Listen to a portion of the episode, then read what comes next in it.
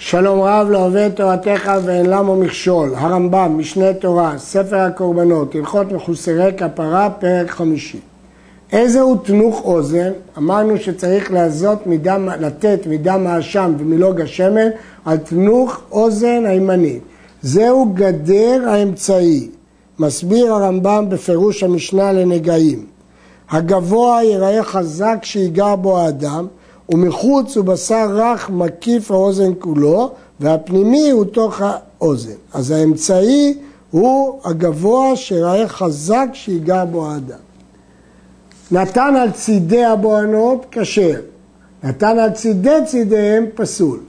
מניין לומדים את זה? הגמרא שואלת למה צריך להגיד עוד פעם על בוין ידו ועל בוין רגלו. הרי כבר כתוב על מקום דם האשם, איפה שהוא נתן את האשם. אלא חד להכשיר צידים וחד לפסול צידי צידים. בין שנתן השמן על דם האשם עצמו מלמעלה, בין שנתן בצד הדם, אפילו נתקנח אדם קודם שייתן השמן, נותן השמן על הבוענות, שאמר על מקום דם האשם. יכול לתת על הדם, יכול בצד, אפילו אין בכלל דם, המקום של הדם. אין לו בוין יד ימנית, או בוין רגל ימנית, או שאין לו אוזן ימנית, אין לו טהרה עולמית. יש במשנה דעה של תנאים שייתן במקומם, הרמב"ם לא פוסק כך, אלא שאין לו טהרה עולמית כדעת תנא קמא. אשם מצורע ששחטו שלא לשמו, או שלא נתן מדמו על גבי בוענות, הרי זה עולה למזבח, וטעו נסכים כנזכרי אשם מצורע, וצריך המצורע אשם אחר להכשירו. כל הזכרים שנזבחו שלא לשמה כשרים, אלא שלא עלו לבעלים לשם חובה. לכן גם אשם מצורע שלא לשמו כשר, אבל הוא לא עלה למצורע. ואם לא נתן על הבעונות, ברור שהוא כשר, אבל לא עלה למצורע. וצריך המצורע אשם אחר להכשירו.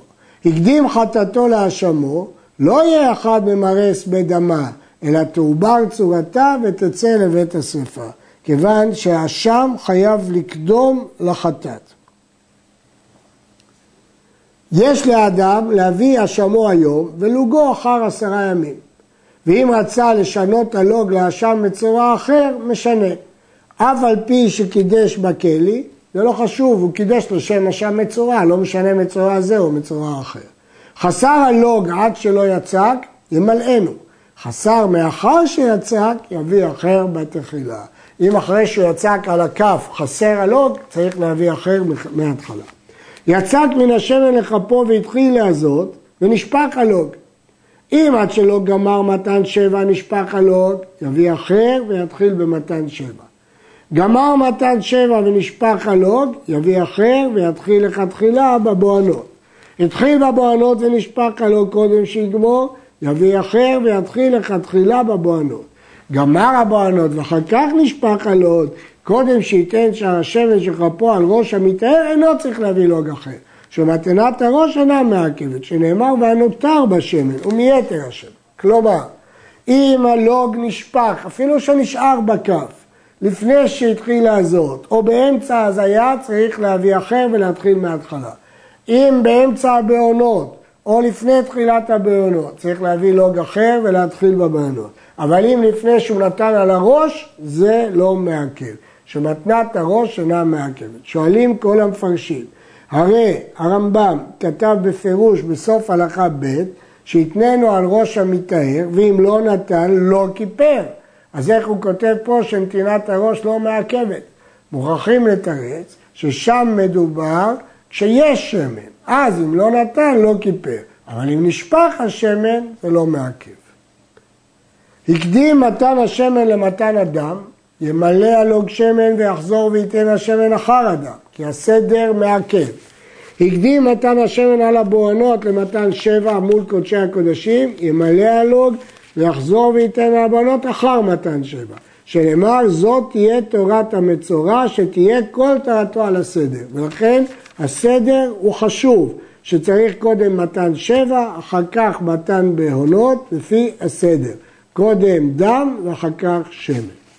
נתן שבע המתנות שלו לשמן, לא הוצא והוכשר המצורע. הקורבן לא הוצא, אבל המצורע הוכשר. כי סוף סוף הוא קיבל שבע מתנות.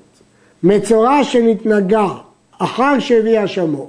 אחרי שהוא הביא אשמו קיבל שוב נגע צרעת, צריך קורבן אחר לצרעת שנייה, זה כבר דין של צרעת חדשה.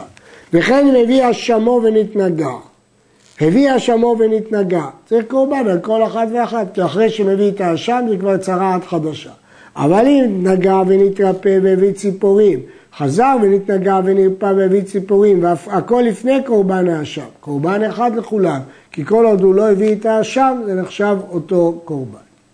מצורע שהביא קורבן עני, כי הוא היה עני והשאיר, או עשיר ועני, קודם שיביא קורבנותיו, הכל הולך אחר האשם, מה שקובע זה קורבן האשם.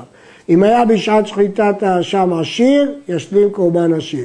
אם היה עני, ישלים קורבן עני. רואים שהקורבן העיקרי של המצורע הוא האשם, בין לעניין הקודם, אם זה נגע חדש, ובין לעניין הזה שקורבן עשיר או קורבן עני.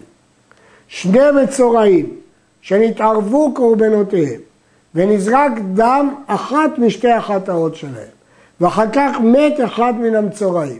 כיצד עושה זה המצורע החי? להביא חטאת בהמה אינו יכול.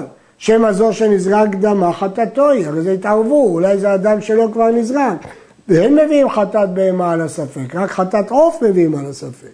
להביא חטאת עוף אינו יכול, שהעשיר שהביא קורבן עני לא יצא, והרי הוא עשיר, איך הוא יכול להביא עוף? כיצד יעשה? אומרת המשנה זו שאלו אנשי אלכסנדריה את רבי יהושע ואמר להם, יכתוב כל נכסיו לאחר באופן פיקטיבי ואז הוא נהיה עני ונמצא עני ויביא חטאת העוף מספק ולא תאכל כמו שבאנו ונמצא אוכל בקודשים. יש לו שיטה פשוטה, ייתן את נכסיו לאחר ואז הוא נחשב לעני, אם נחשב לעני יכול להביא חטאת העוף. חטאת העוף אפשר להביא אותה מספק ולא נאכלת, אבל היא נחשבת קורבן ואז היא מכשירה אותו לאכול בזבחים. השיר שאמר קורבנו של מצורע זה עליי והיה המצורע עני הרי זה מביא על ידו קורבנות עשיר, שהרי יד הנודר משגת. ואני שאמר קורבנו של מצורע זה עליי והיה מצורע עשיר, הרי זה מביא על ידו קורבנות עשיר, שהרי זה הנודר חייב בקורבנות עשיר. כלומר, מה שקובע זה הנודר.